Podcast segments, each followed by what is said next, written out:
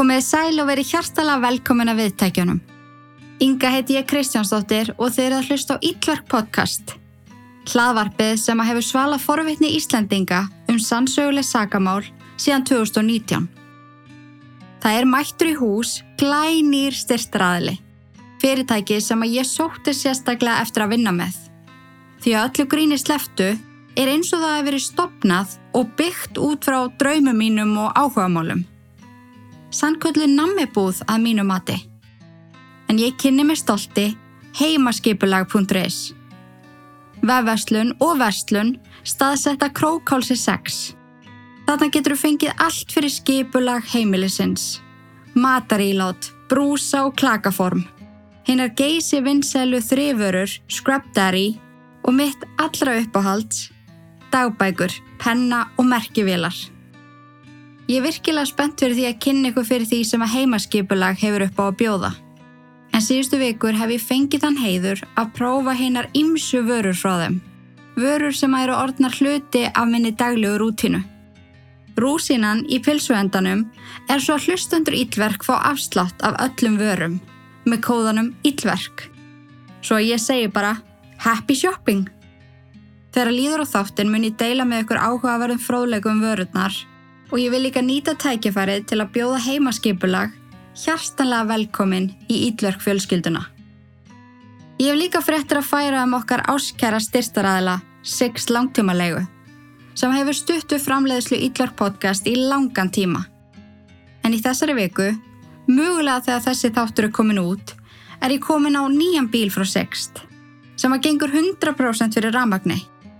Hvítur Hyundai Kona var fyrir valinu og ég er virkilega spennt að prófa og fyrir því að taka stökkið út í 100% ramagn. Þótt ég er vissulega eftir að sakna bláa Renault Captur sem að hefur reyns mér ansi vel síðast árið. Þátturinn er einni í bóði K18 á Íslandi. Hárvörur sem að hafa, svona án alls gríns, bjargað hárinu mínu frá hárlósi og skemdum eftir aflitun. Hlustendur ítverk fá 25% afslátt af öllum K18 vörum inn á reykjavíkverhás.is. Ansi vígalegu kóði og ég vona að hann muni nýtast eitthvað vel.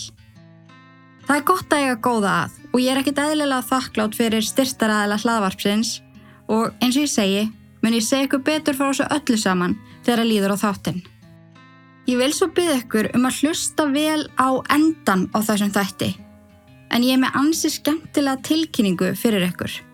Án þess að gefa mikið upp get ég sagt ykkur að september verður ansi skemmtilegur og pakkaður af true crime efni. Stay tuned eins og gamle maðurinn sagði á meðan hann sögð graut fyrir fjölskylduna. en ég ætla ekki að tefja þetta meira. Hendum okkur að stað í mál dagsins sem var uppfullt af mjög skörpum uppeyjum. Ég get eiginlega að lofa ykkur að þeir munuðu breyta hansi oft um skoðun og niðurstaða málsins kemur klálega óvart. Þetta mál er uppfullt af hemd, heift og sveikum innan fjölskyldu sem að leit óskuð venila út fyrir utanakomandi. En eins og er sagt, þú veist aldrei hvað á sér stað bak við lukta dyr. The Chiropractor Murder Mál Mary Jóts Gjöru þau svo vel.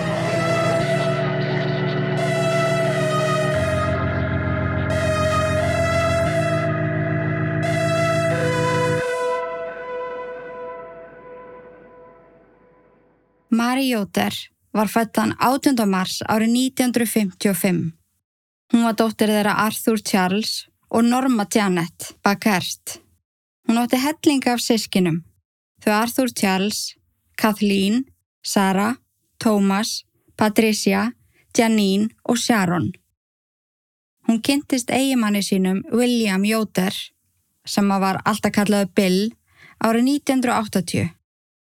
Fljótlega eftir að þau giftu sig, eignuðist þau fyrsta barni sitt, Liana. Svo kom Tamarinn og síðan kom Adam. Bill og Mari ákváðu í sammenningu að fara í kýropraktor nám. Þau hugsuðu bæði útrúlega vel um heilsuna og voru með mataræði og reyfingu á heilanum. Þetta var eitthvað sem þau spáðu í okkur um einasta degi. Og einn daginn þá fenguðu þau bækling inn um lúuna og í þeim bækling var verið að kynna kýrópraktar nám og þau ákveða að skrá sér bæði. Að námi loknu þá ákveða þau að opna sína eigin stofu sem að þau skýrðu Chiropractic Family Care og þetta er stofa sem að þau ráku í 30 ár, staðsett í New York. Og þessi stofa varð fjölskyldu fyrirtæki. Öll börnið þeirra átti eftir að vinna á einhverjum tímabúndi aðná stofinni og tengdadætur og tengdasinir og svo var stofan líka svona hjarta hverfisins. Og yfir öll þessi ár áttu þau ótrúlega mikið af fastakunum sem að komi svo öðrum fastakunum í viðskipti við þau. En stofan gekk alla tíð alveg ótrúlega vel. Mari hafði líka rosalega mikla ástriðu fyrir alls konar bætiefnum og vítaminum og var alltaf að kaupa og prófa þannig vörur. Og eftir að hafa verið um tíu ár að fullkomna sína fæðubóta og vítaminrútinu þá fór hún að selja á stofinni það sem að henni fannst virka best og það sem að hún hjælt mest upp á. Og þetta voru vörur sem að hún þurfti stanslust að vera að panta því að þær voru svo ótrúlega vinselar hjá viðskiptavinnum. Hjónin voru vel séð, áttu mikið af vinum og öllum þóttur ósla vendum þau. Viðskiptavinnum fannst líka fallegt hvað þetta var mikið fjölskyldu fyrirtæki. En eins og við töluðum um þá unnu börnin þeirra ölladna á einhverjum tímapunkti, tengdadótti þeirra kærasta Adam vann í móttökunni og skrifstofunni, eitthvað að systru Mari unnuð hana líka og mikið af henn kom og fór og kom svo aftur eftir að hafa farið í nám eða að prófa eitthvað nýtt. Það þótti bara öllum rosalega væntum þessa stofu og fólki fannst vinalegt að koma þann inn. Og pluss það þá voru þau rosalega hæfileikaríkir, kýropraktorar, með mikla reynslu og höfðu hjálpað alveg hellinga fólki. En hjónin unnu saman aðna alla tíð, frá 8-5, alla daga, það klikkaði ekki. 21. júli árið 2015 byrjaði eins og allir aðri dagar. Hjónin fóru saman upp á stofu, gerði allt tilbúið fyrir daginn, borðuðu svo morgumat saman inn á kaffistofu og voru svo að taka við fyrstu viðskiptavinnunum upp á klukkan 8. Þessi dag var samt örlítið öðruvísi. Því vanilega var Bill alltaf að vinna til 5 með Mari en þannan dag þurfti hann að hætta klukkan 12 til þess að sinna erendum. Mari var líka búin að ákveða að borða hátægismat með mömmu sinni. Svo upp á klukkan 12 þá faraðu bæði og skella stofunni í lás. En þegar Mari mætir heim til mömmu sinnar þá hafði mammina glemt að það er ætlað að borða saman og var búin að borða. Þannig að hún spjalla bara við hann í smá stund og fer svo aftur upp á stofu og ákveður að fá sér prótensik í hátægismat eins og hún gerði svo ótrúlega ofta áður. En hún var að mynda að flytja inn hérna ímsu prótensika í alls konar bræðtöfundum. Bill kom ekki aftur í vinnuna þannan dag og var að stúsast alveg til klukkan fjögur. En hann og Mari voru búin að ákveða að hann ætlaði að sjá um kvöldmatinn þennan dag. Svo eftir stúsið ætlaði hann að koma við í búð til þess að kaupa hráefnið í kvöldmatinn. Upp á klukkan 5 er Mari að klára síðasta kunnan sinn og henni líður ekkert sérstaklega vel og ringir í Bill og segir honum að rekna ekki með sér í kvöldmatt ef hann var ekki búin að kaupa inn og ef hann var að byrja að elda þá ætti hann bara að elda fyrir sjálfan sig. Hún get ekki hugsað sér að borða kvöldmatt því að hún var búin að vera svo slæm í maganum. Bill var strax fyrir ekkar áökjufullur því að Mari var aldrei veik Hún hugsaði sjúklega vel um heilsuna sína. Hún æfiði okkur um einasta degi, borðaði holdt alla daga. Stundaði útivist, tók vítamin okkur um degi. Hún talaði líka mikið um jákvæða líkamsýmynd og rætti oft um það við konur sem að koma á stofuna. Hún ræktaði sitt eigi grammeti í bakarðinum og lifði rosalega heilsusamlegu lífi og var þekkt fyrir það. Hún var aldrei veik og Bill hreinlega myndi ekki eftir því í þeirra hjónabandi að hún hafi neyta málti því að hún var svo slæm í maganum. En Mari hafði nú ekkert allt og miklar ágjur af þessu. Hún kom bara heim, passaði að drekka nóg og ákvaða að fara að snemma að sofa og reyna bara að sofið úr sér. Það virkaði alltaf best. Þegar Bill fyrir upp í rúm klukkan tíu þá er Mari steinsofandi svo hann leggst bara við hliðin á henni og fyrir að sofa líka. En þegar hann vaknar daginn eftir fær hann sjokk og fyrstum sinn þá hjælt hann að Mari var í dáin. Hún var ísköld viðkomu og skanna kvíti framann. Hún gætu alla talað nýr heft sig. Bill tekur hann í fangið og hleypu með hann út í bíl og keiri með hann upp á bráðamóttöku. Þar sem hann segi frá því í móttökunni að hún sé mjög annarlegu ástandi. Hún hafi byrjað að vera veik dæin áður og henni hafi greinlega rakað um nóttina. Það er byrjað á því að taka blóðpröfu og lækna reyna að hlúa að Mari. Gefinu vökva í æð, gefinu verkjalif, en það er eins og ekkert virki. Og hún missir alltaf meira og meira meðvitund og endanum er ekki hægt að tala við hana. Hún er vakandi en hún getur ekki svarað. Og blóðpröfunar þar símdu einhvern veginn ekki neitt. Þetta var ekki flensa, þetta var ekki magapest, hún var ekki með neinar síkingar eða neitt slíkt. Það var einhvern veginn ekki það þegar að koma niðurstöður úr blóðpröfu. Læknanir heldur samt áfram að rannsaka Mari og fylgjast með ástandennar því að þetta þótti mjög sérstakt og enginn skildi hvað var að henni. Og þetta verður enþá óhugnalegra setna þennan sama dag þegar Mari fær hjartastopp. Það er náða endur lífkana en þetta átti eftir að gerast fjóru sinnum til viðbótar. Þann 23. júli árið 2015, eftir að hafa verið veik í 36 klukkutíma, þá lést Mary. Á þessum tímapunkti var öll fjölskyldan hennar mætt upp á sjúgrás og sati kringum rúmið. Öll börnin hennar, Adam, Janine, Liana og kærastannars Adam, Caitlin og auðvitað Bill. Allir voru gjörsala niður brotnir og enginn skildi hvað hafi komið fyrir og læknar skildu það ekki heldur. En þar sem að þetta var mjög dulafullur döðdægi og það fannst einhvern veginn engin útskýring, þá báru læknar það undir Bill hvort að hann var ekki samþekku því að líkið væri kröfið og að tókast að fyndist eitthvað sem að geti bendið þess hvað kom fyrir Mari og Bill samþekki það strax. En það koma mjög undarlegar upplýsingar í ljós við krupningu. En þegar frumur í líkamannar voru skoðaðar, þá virtist eins og þær væru að eigða sjálfum sér, killing themselves eins og krupningalæknir orðar þetta. Og það er eitthvað sem að gerist þegar það kemst eitur í líkama fólks. Og læknar hafðu ítrekka séð þetta í málum þar sem að það var eitrað fyrir mannesku. Þegar þetta kemur upp er gerð pröfa á alls konar játtegundum, cyanide og öðrum algengum eitrunarefnum. En það kom allt neikvægt út. Það var ekkert í blóði Mari af því sem að læknar leituð eftir. Það var samt haldið áfram að rannsaka þetta mál á fullu og það voru tekin fjögur full blóðglös úr líki Mari. Þrjú þeirra voru notuð og enn hafðu læknar ekki komist að því hvað kom fyrir þannig að það var bara eitt eftir. Og það var búið að skila líki Mari til fjölskyldunar, þannig að þau getu lagt hana til kvílu. En læknar sá eila freka mikið eftir því að hafa látið hana af hendi svona fljótt. Hvað ef að þetta eina glas var ekki nóg og þau myndi aldrei finna út hvað kom fyrir Mari. Og það var íhugað að byggja fjölskylduna um að fá líkið aftur. En þegar læknar komist af því að það var búið að brenna líkið, var lítið sem að þeir gáttu gert. Það mættu næstu í þúsund manns í jarðaförun hennar Mari og margir skrifuðu ótrúlega hjartnamar Facebook-hvaðjur. Hérna er til dæmis einn sem að Caitlin, tengdadóttir Mari, skrifar, en hún er kærastannans Adam. Hérna stendur.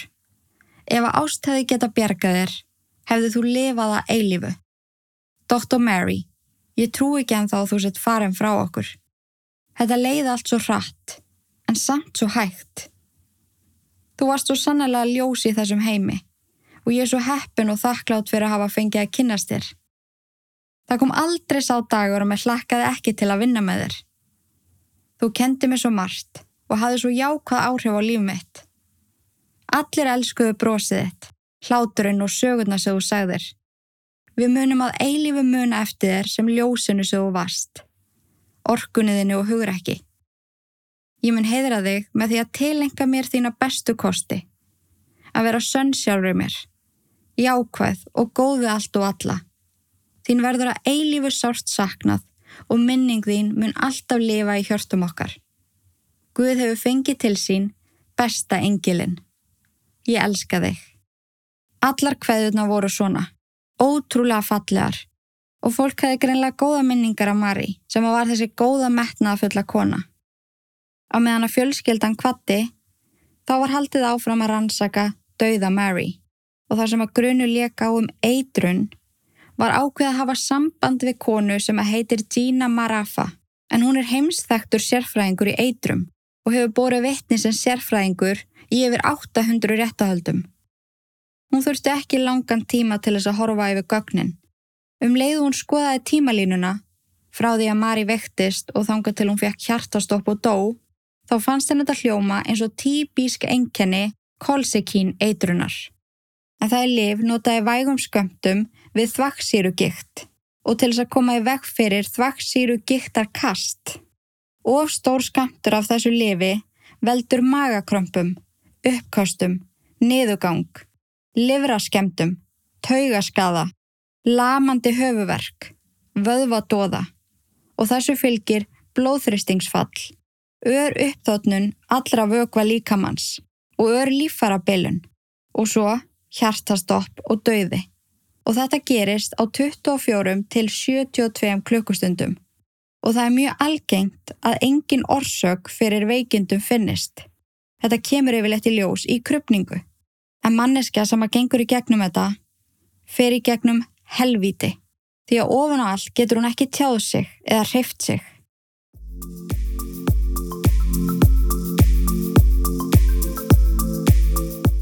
Heimaskipulag.is er nýjasti bakkjart hlaðvarpsins og langaði með að nýta þessa fyrstu auðlýsingu í að kynna fyrir ykkur vöru úrvalið. Þarna er mikið fallegt til og ég hafði hugsað mér að taka svo fyrir í næstu auðlýsingum ákvæmna vöruflokka Til dæmis verður einu auðlýsingin um Happy Planner og önnur um öll dásalegu akríl skipulagsbóksin sem eru til þarna. En eins og nafni gefur til kynna er hægt að fá vörur til þess að skipulegja heimilið. Einnig hennar ímsu lífstílsvörur, matabóks, sturtusköfur, dagbækur, penna. Nei, alvörunni, þegar ég rak fyrst augun í þessa vefverslun var ég ástfangin. Ég var bara að fá að viðkjöna það en það sem að vakti fyrst aðtegli mína var vörumerkið Happy Planner. Ég hafði aldrei séð það áður og fannst það sérstaklega heillandi. Þetta eru alls konar dagbækur með mismunandi tilgang. Vantaði kvartningu, skipulag eða bara stað til að skrifa niður hvernig þið líður. Það er hægt að kaupa alls konar áfyllingar inn í bækunar, til dæmis ef að þið vantar fleiri auðar blaðsýður eða fleiri to-do lista þá er þetta að skella mjög auðveldlega á gormana og sömulegis er ekkert mála að taka blaðsjur úr án þess að rýfa síðurnar. Það sem ég var líka einstaklega hrifin af eru allir límiðapakkarnir frá Happy Planner. Límiðarnir koma í litlum bókum, allar með mismunandi tilgang. Fjármál, kvartning, kreyfing, heimilistrif, mikilværa dagsendingar, allt til þess að gera dagbókina þína persónlegri og skemmtilegri. Og Guð hjálpu mér hvað ég mæli með ef að þið ákveðið að fjárfesta í Happy Planner að skella pastel tombo túspennunum með í pöntunina. Þeir gera þetta allt svo miklu skemmtilegra, smita ekki og fara ekki í gegnum blaðsjöðunar. Ég hveti ykkur öll til þess að skrifa í dagbækur. Það virkilega hjálpar andlega og hjálpar til með sjónrænt skipulag sem er oft hjálplegra en allar hugsaninnar sem að þeysast um í haustnum þegar maður allar að reyna að sopna á kvöldin. Og ég mæli svo hjartanlega með Happy Planner sem að fæst inn á heimaskipulag.is. Og ekki gleyma að hlustendur Ítverk fá afslátt á öllum vörum inn á heimaskipulag með kóðanum Ítverk. Heimaskipulag.is. Allt fyrir skipulagið á betra verði. Okkar gamli góði vinn. Six langtímalega. Mikið ofsalega þykjum að væntum þetta fyrirtæki.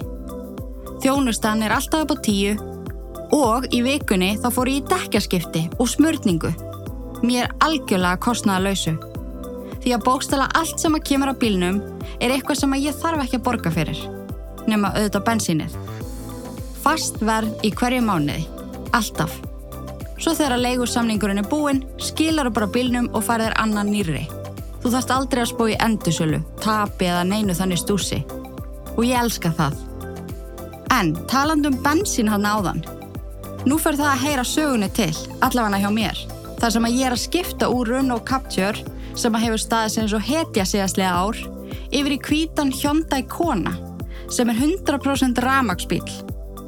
Ég hef alltaf verið hrætt við þetta skref því að ég er ekkit eðlilega léleg í að taka bensín og yfir höfuð sjá um bíla. En það er að stórun hluta því það er alltaf að keira eitthvert til að taka bensín. En það er til dæmis hlæðslustöð í bílakjallaranum mínum og það eru hlæðslustöðar út um allt. Svo ég þá bara skottast niður og hlaða og ég er eiginlega frekar spennt fyrir því að prófa þetta. og taka svo saman hversu mikið ég spara á því að sleppa alfari við bensín. Sixt er búið að bæta við sig hellinga af nýjum bílum, til dæmis Teslum, svo allir finna eitthvað við sitt hæfi, hvort sem að þau eru stórfjölskylda eða einstaklingur. Ég er að segja ykkur það, þetta er brilljant og ég hvet alla til að skoða, já eða prófa að taka bíla á langtímalegu. Ég er marg búin að rekna þetta út og þegar maður horfir aðeins lengra en mánuð fyrir mánuð, þá marg borgar þetta sig. Ekkert dekkjabras, ekkert viðgerðabras, ekkert endursölubras, ekkert bílalánsbras. Það er bara nákvæmlega ekkert bras. Og við elskum ekkert bras. En komum til að segja að ég hef sagt bras oft í þessu segmenti. En ég læti ykkur vita með gangmála og hvernig hjóndæg kona er að standa sig. Sixt langtímalega. Ekkert bras, bara gaman. Ég er ekki að íkja þegar ég segja að K18 hafi bjargað hárunum mínu. Vörurnar eru uppfullar af hreinum, háþróðum efnum sem að hafa það verkefni að byggja upp hárið, vinna úr skemdum og hreinsa upp sapnaðan viðbjóð sem aða til að setja sem fastast í höfuleðrinu. Aðal mununum sem að ég finn eftir að hafa nota vörurnar, allavega síðan í mars, er að hárlós er algjörlega hægt. En þetta var eiginlega komið á ákveði hættusteg hjá mér þegar ég misti lúku í hvert sinn sem ég fór í sturtu og þurfti bókstala að taka hár úr hárbustanum mínum nokkur svonum á dag. En það vandamál er alveg horfið. Svo ég myndi klárlega að prófa K18 ef þið eru að eiga við hárlós. Og líka ef þeir eru hormonapjesan eins og ég. Hárið mitt fær svo sannlega að finna fyrir því þegar uppbólstími mánadarins mætir í hús. Saði enginn aldrei. Það verður skítutt strax, mér verður oft illt í hársverðinum og þá yfirlegt á sér stað auki hárlós. En K18 hefur sumulegði slagað það algjörlega. Þetta eru dýrar vörur, en það er engin horfbjóðs innihalsefni sem engin veit hvaðan koma. Þetta er alvöru, þróað af mikillir gömgefni. En, gaman að segja frá því, að Reykjavík Verhás.is býður hlustendum Ítlar podcast 25% afslátt af öllum vörum frá K18 með kóðanum Ítverk. Svo endilega, ef ykkur langar að prófa, nýtið ykkur þennan ríflega afslátt. K18. Segðu bless við klebrað hár. Takk og bless.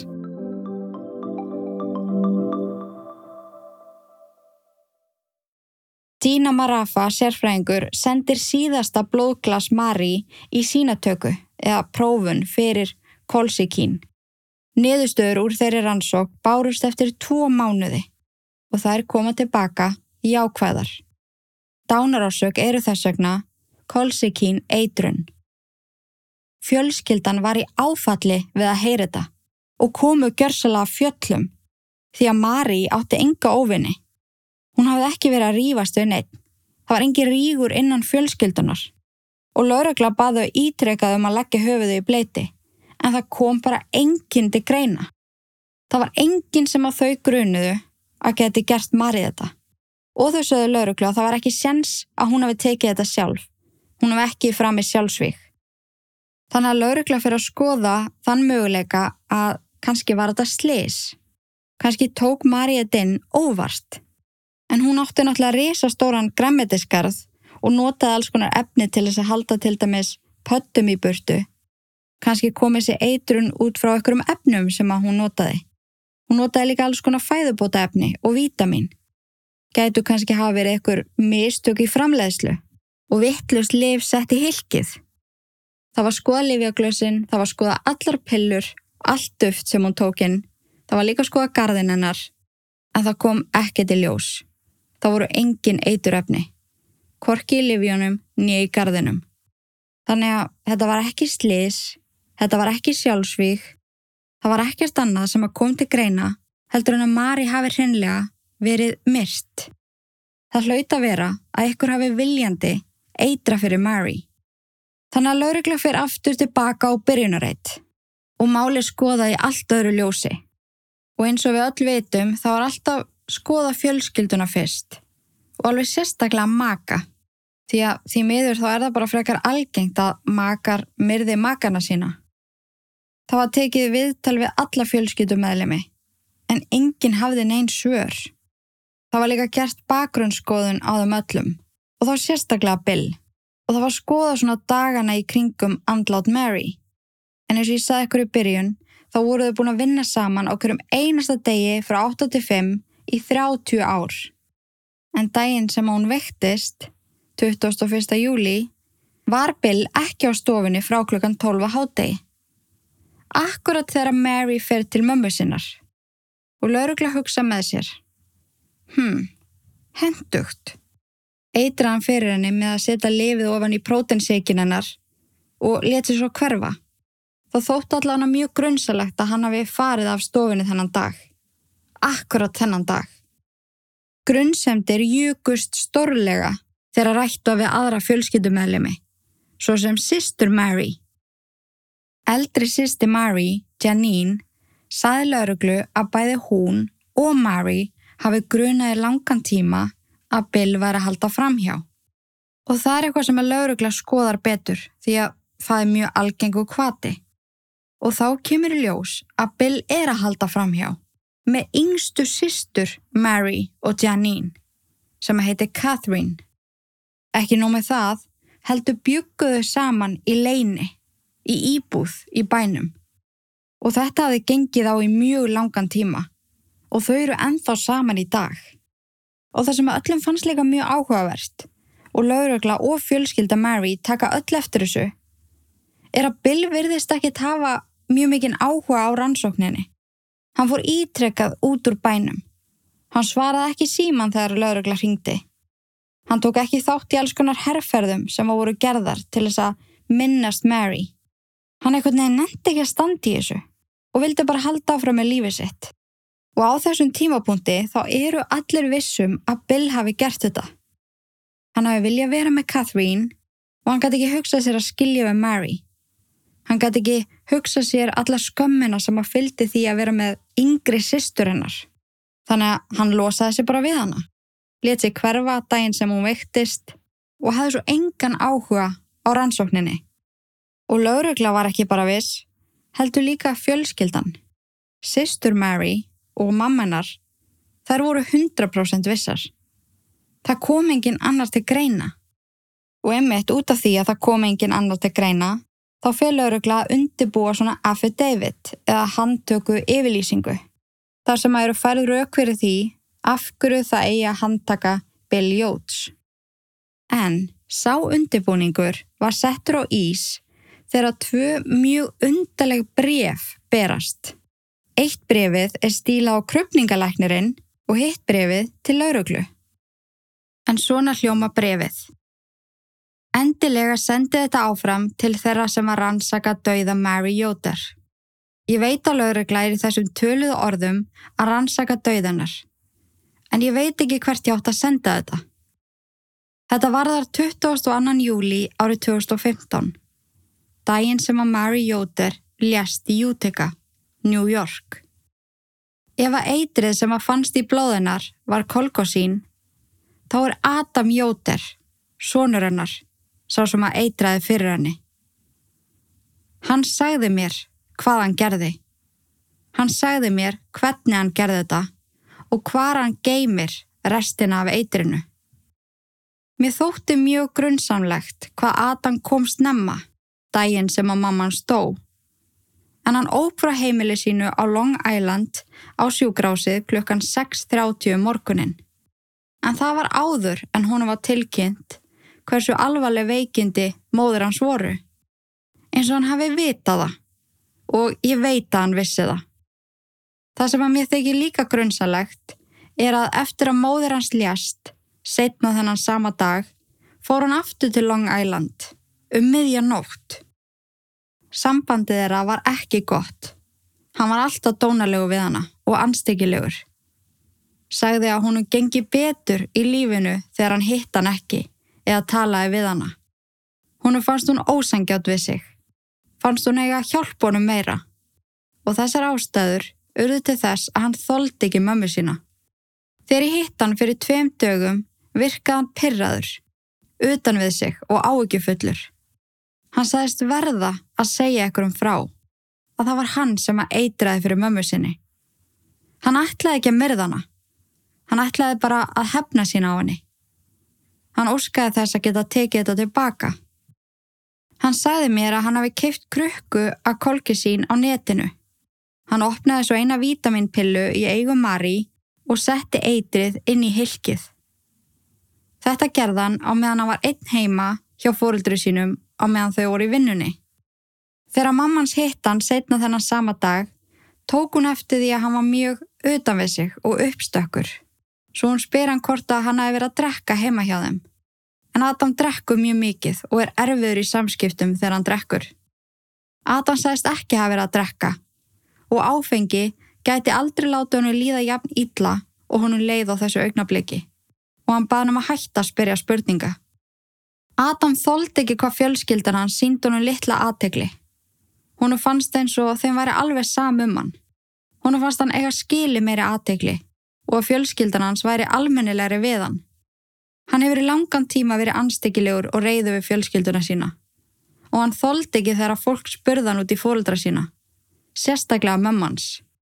Hann sagðist að býða eftir því að þau myndu deyja því að þá fengi hann greittan arð. En þar sem að mammas var myrst, fjekk hann ekki greittan neittn arð sem að gerða hann mjög reyðan og fannst það sem hann gerði mjög tilgangslaust. Hann virkilega sér eftir þessu og skilur ekki hvað hann var að hugsa. Hann sagði mér að livjakrökkan sem hann kefti á netinu og eitraði fyrir mömmu sinni með væri undir farþegarsætunu í bilnum hans. Hann hefur gemt þetta þar í langan tíma því hann veit ekki hvernig er best að losa sig við lifið. Ég baði hann um að sína með krökkuna en hann vildi ekki gera það. En lísti því hvernig krökkan lítur út. Brún glerkrökka með hvítum miða.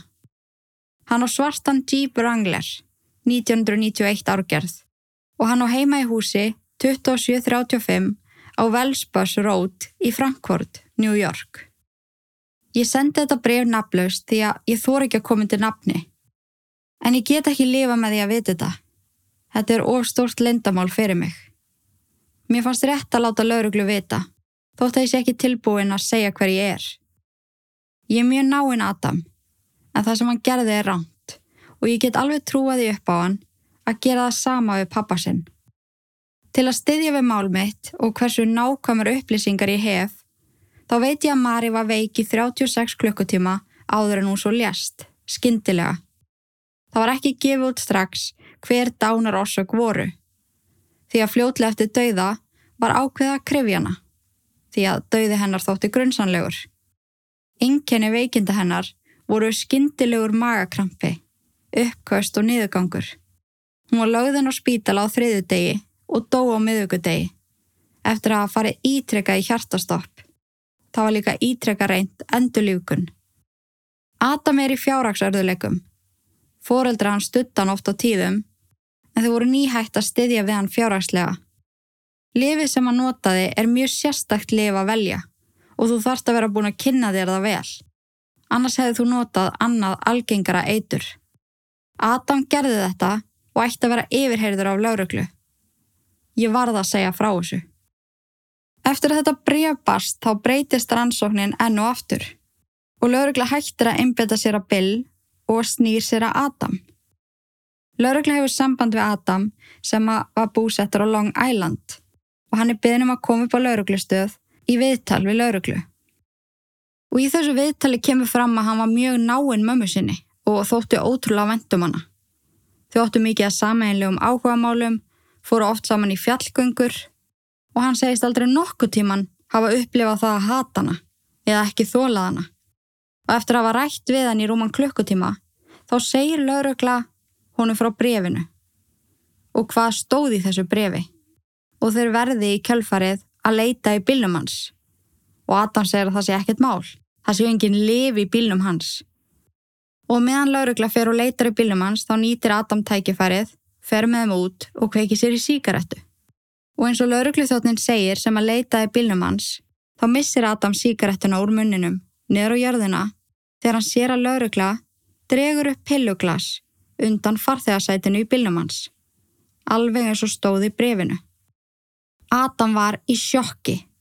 Hann sagði ítrekkað, ég setti þetta pilluglas ekki þarna. Ég misti ekki mömmu mína.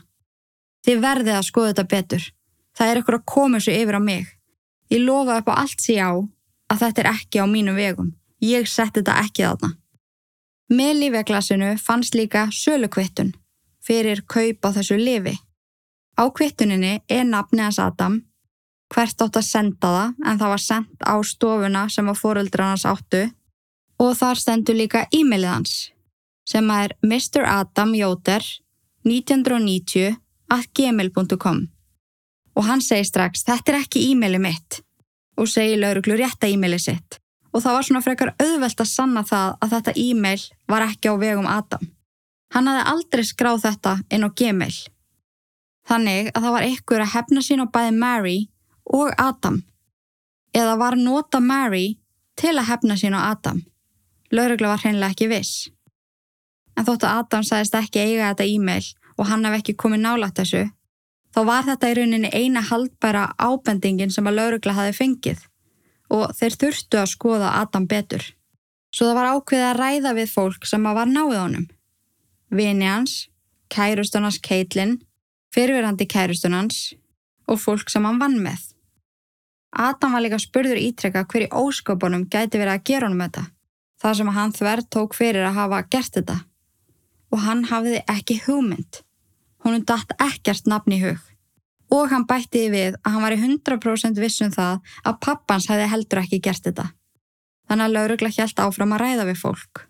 Og þann fannst mjög mikilvægt að ræða við kærustu Adam, Caitlin, því að hún geti gefið meiri insýn inn í hvers konar manneski hann var og hvort hann hafi átt slemt sambandi um mömmu sína. En hún þekkti þessa fjölskyldu ótrúlega vel og hafði mitt unnið í móttökunni á stofunni hjá Mario Bill. Hún bjó hjá þeim í ykkur tíma og hún sagði laurugla að þau væru bara eins og fóreldra hennar og hún og Mary hafi verið ótrúlega goða vinkonur. En þegar hún hafi líst sambandinu og gefið lauruglu meiri einsýn inn í þessa fjölskyldu, þá segir hún lauruglu þjóninu sem að rætti við hana að Adam hafi sagt henni nokkrun dögum áður að hann hafi gert þetta. Og laurugla spyr hana þá, af hverju ætti hann að segja frá því að hann hafi gert þetta? Vill maður ekki komast upp með glæp? Og þá segir Caitlin að hann hafi öruglega sagt henni þetta til þess að geta stjórnað henni, til þess að hafa eitthvað vald yfir henni, því að það er eitthvað sem hann hefur alltaf gert.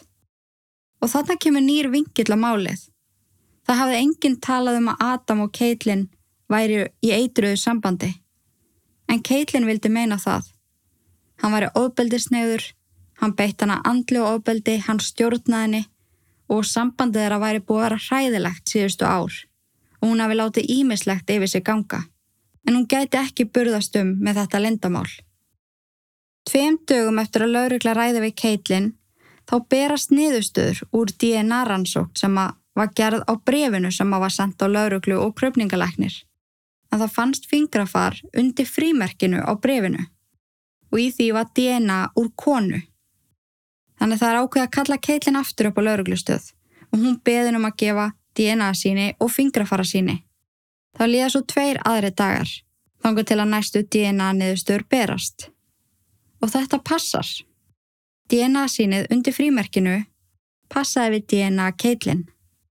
Svo laurugla spyr hana, var það þú sem að skrifa þetta bref? En hún segir, nei, við gerðum það ekki. En þar sem að leki raunin engin vafi á því og laurugla var vissum að hún hafi skrifað það, Þá var beðið um að fá að skoða rafræn gögnennar og símanennar. Og það þurfti ekki að skoða lengi þar til að það komi ljós að hún átti e-mail adressuna Mr. Adam Jóter 1990 at gmail.com. Hún bjóð þetta e-mail til og hún var skráð inn á það í símanum sínum.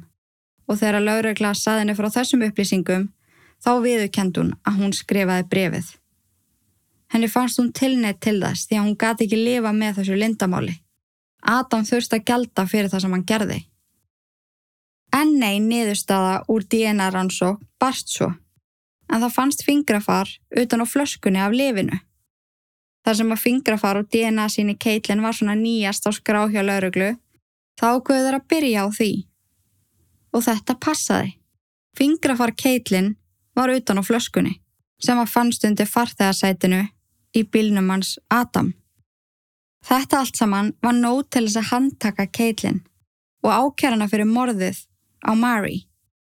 Hún var tekinni enn eina yfirheysluna þar sem að laurugla sagðist vita að hún hafi gert þetta. E-mailið var í símanum hennar. Fingrafar hennar var utan á krökkunni af eitrinu. Fingrafara hennar var á brefinu. Það var allt sem að bent á hana. Hún viðukendi ekki beint á að gert þetta. Heldur eitt hún allri yfirheyslunu í að hágráta yfir því að lífið hennar væri búið. Hún var að fara í fangelsi það sem eftir var að lífin hennar. Hvernig átt hún að lifa í fangelsi? Það eina sem hún talaði um var hvað hún vorkendi sjálfur sér mikið að það hafi komist upp um hana og núna þurfa hún að gelda fyrir það sem hún gerði. Adam told you that he, he did this to his mother Right, and where he put the colchicine. right. He told you all this. Why would he tell anybody on this what he did? I don't Why know. would he confide in anybody? You did something to somebody, why? Right, and I think it's like a power thing. I Mhm. think it's a control thing. It's another thing that keeps me. So he's gonna tell you he did something like this and then control you from saying anything, or, or what, he's gonna use that how against you? Yeah, like, what can I say? Adam has no control over his phone, only you do. So we know you went in, you logged into that, that account. There's no way, there's no other physical way. You had to enter a password, you had to log into it, okay? Agreed? I hear you, yeah. Okay, there's no other way, he can't do that. He's not here, he doesn't have access to your phone.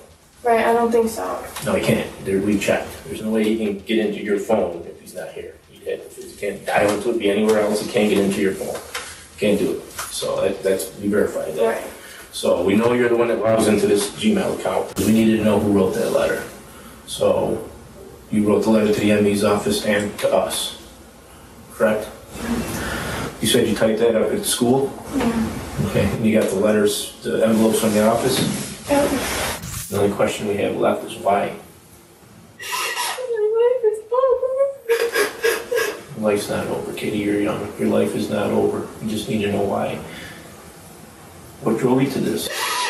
What drove you to do this, Katie? Was it Adam?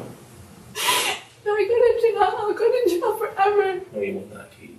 You won't go to jail forever. There's reasons for everything.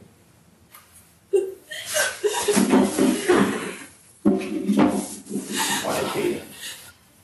I wouldn't risk much. I just want. I know. I know it is. Réttuhaldinni við Caitlin hófust hálfu ári síðar, sem er svona frekar óvanalegt. Vanalega tekur undirbúningur miklu lengri tíma. En verjandi Caitlin hjólar í Bill. Uppásræðan hans snýst alfærið um það að Bill hafi gert konunni sinni þetta. Og hann segir frá því í smáadröðum hvernig hann gerði það. Hann setti eitri í prótenseikin hennar. Hann var að halda fram hjá með systur hennar. Hann lýsir frá aðtilu hvernig atbyrðarásin átti sér stað samkvæmt honum. Og hann hafi svo notað sér Caitlin, þessa saklausu ungu konu, til þess að taka skellin. Hann komi svo yfir á hana. Hann plantaði sönnunagögnum. Og það sem er svo áhugavert er að systur Mary voru vissum það að þetta væri hár rétt hjá verjanda Caitlin.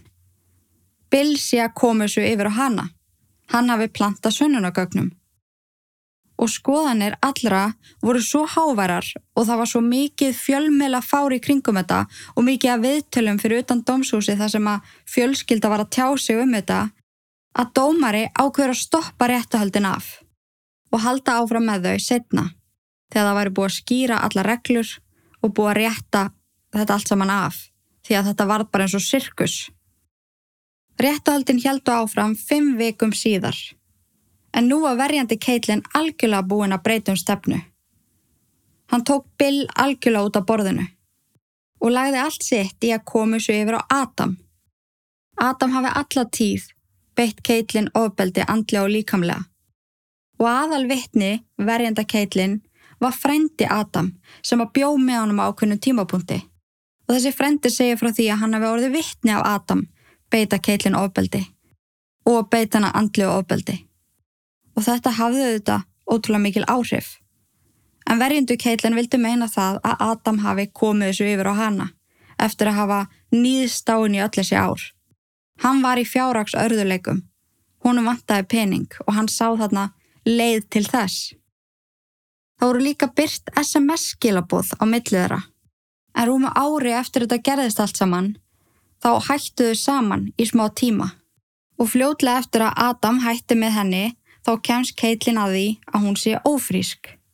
og hún ákveður að fara í fóstureyðingu því að hún vill ekki standi í þessu einn og hún lætur Adam vita af því og Adam sendir henni Ég er svo fokking brjálaður og Caitlin svarar Ég vildi ekki gera þetta einn og þú vildir ekki vera með mér og Adam segir þá Þú hefðir ekki verið fokkin einn Ég er ekki piece of shit. Tveir eiga ákveða svona lagað. Og það var sínt hellingur af skilabóðum þeirra á milli þar sem að Adam var að drulla yfir hana, drulla yfir hennar karakter, kalla hana tussu og tík og öllum íllum nöfnum. En þótt hann hafi komið svona fram við hana sem að er auðvitað ekki rétt, þá þýðir það ekkit endilega hann hafi komið yfir á hana morði og plantað sönnunagögnum. Það þarf að taka það inn í máli að fingraförun hennar fundust á krökkunni en ekki hans. Þetta voru mjög áhugaverði réttahöld. Það er að vísu ekki til vídeo af þeim eins og ég hefði kosið, en það er til handrit sem ég gæti lesið. En ég hef aldrei séð svona áður að ríkið og verjendur voru í rauninni að nota sama kvata. Ríkið hjælti fram að Caitlin væri að yfir á Adam og verjendur Caitlin voru að halda því fram að Adam var að komisu yfir á hana. Þannig að þau voru einhvern veginn með sama markmið nema bara sikku manneskjan. Kviðdómar átti líka rosalega erfitt með að ákveða þetta allt saman og voru ofta tíðum algjörlega óviss. En það sem að gerði þau svo alveg viss á endanum með hvað þau átti að ákveða var þegar þau horfðu einu sinna enn á yfirheysluna yfir henni. Að það sem að stakk þau sérstaklega er þegar hún segi lauruglu að Adam hafi sagt henni frá þessu og að hann var að geima krökkuna undir sætinu. Og laurugla spyr hana af hverju ætti hann að geima lifið í fimm mánuði undir sætinu? Af hverju myndi hann ekki losa sig við lifið? Og hún fer að hlæja og segir hann sé latur og bætur svo við að hann hafi ekki vitað hvað hann ætti að gera við lifið. Og það er tvent sem að kemur út úr þessu. Það er fárulegt að geima lifið í allan hennan tíma og vita af því að það sé verið að rannsaka dauða mömmuðinnar og ef hann var að vesenast með þessa krukku þá hefðu fingraförun hans verið á henni en það fannst ekki vottur af Adam á þessari flösku. En það sem að var svona síðasti neklin í kistunennar var vittnisspörður Adam. Þar sem að hann lætu flakka nákvæmlega það sem að honum finnst um fyrirvændi kæristuna sína. I introduced Katie Conley to my family. And because I loved her, they all accepted her and treated her as family, as blood. Make no mistake, I hate the defendant. With every bone in my body and every drop of blood in my veins, I hate Caitlin Ann Conley because Caitlin Ann Conley murdered my mother. Þótt að ég hef verið svona nokkuð viss í endan um að Caitlin hafi gert þetta, þá er ákveðu augnablík í réttahaldunum sem að sannfæri mig endala. Og það er þegar að hún fær að tala og segja hvað henni býr í brjósti. Mér er í raunin alveg sama hvað hún er að segja, en hvernig hún segir það, sannfærði mig algjörlega. With all due respect to the justice system, and to our jury system, I'm innocent. And I would like to thank my family and friends and strangers for standing up in support of me. Núna er þetta bara upptaka sem að þið heyrðuð, en maður þarf eiginlega að sjá vídeo af þessu. Það er engin tár, heldur er þetta svona, ég, ég er saklus, kæri dómari. Æ, þið vitið, þegar að það er verið að kreista fram eitthvað sem á að hljóma eins og grátur, en er það svo innilega ekki? Þannig sé ég þetta. Og eftir þetta var ég 100% vissum að rétt manneskja væri að fara í fangelsi fyrir morði á Mary. Það sem mér þótti líka mikilvægt er að dómari minnir á hvað Mary gekk í gegnum í endan. Mér finnst alltaf ótrúlega gott þegar að dómari gerir þetta því að í gegnum réttahöld þá gleymist oft fórnalampið. Því að það er svo mikið fjölmela fár, það er svo mikið alls konar tilfinningum í gangi að fólk í rauninni gleymir um hvað þetta snýst. En hann minnir á það hversu mikið helvíti Mary gekk í gegnum. 36 klukkutíma á því að viti ekki hvað í ósköpunum var að gerast. Stanslösar kvalir og hún fann í rauninni fyrir líffærunu sínu slökku á sér. Hún uppliði blóðþristingsfall. Hún var stanslust að kasta upp. Dauðdagi hennar var skelvilegur og mér var skott að dómari myndi á þetta. Áður en að kviðdómur sagði frá ákveðun sinni. Caitlin Ann Conley, sem að var á þessum tímapunkti 24 ára gömul, var dæmt í 23 ára fangelsi með möguleika á reynslulaust. En ef hún situr í allan þennan tíma, þá ætti hún að losna út 47 ára gömul. Hún heldur því enn í dag fram að hún sé saklaus og að það hefði verið Adam sem að gerði þetta og komið þessu svo yfir á hana. Og ég veldi því fyrir mér, ef þú vilt hefna henn á Adam, akkur er þá ekki að eitra fyrir honum? Akkur að koma Mary inn í þetta sem er algjörlega saklaus? Eða var hún kannski að hefna sína á Adam með því að láta hann fara í gegnum kvaletnar að missa mömmu sína á þannan hátt? En maður getur allan að vera vissum það að kvatin fyrir þessu öllu saman var hemmt.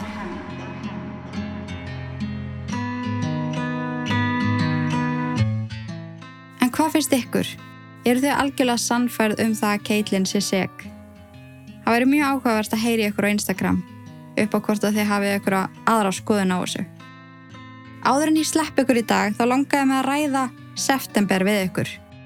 Núna hef ég fengið mjög marga beðnir um það að taka Idaho 4 málið, mál Brian Koberger, frá A til Ö. Fara yfir alla tímalínuna. Núna er ég búin að gefa út rúmlega 40 þættu um málið í áskriftarleðinni sem ég held út.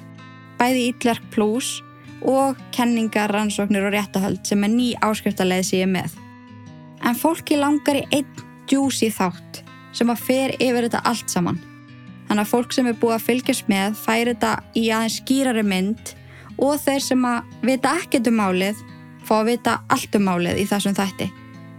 Og það er nákvæmlega það sem ég ætla að gera í september. Áskrifundur Ítlark Plus fá þennan þátt í einum hluta þann 1. september. Þannig að þetta verður bara einn langur þáttur fyrir áskrifundur. Þeir sem er að hlusta frítt en á öllum helstu hlaðvarsveitum munu fá þættina í þrejum pörtum.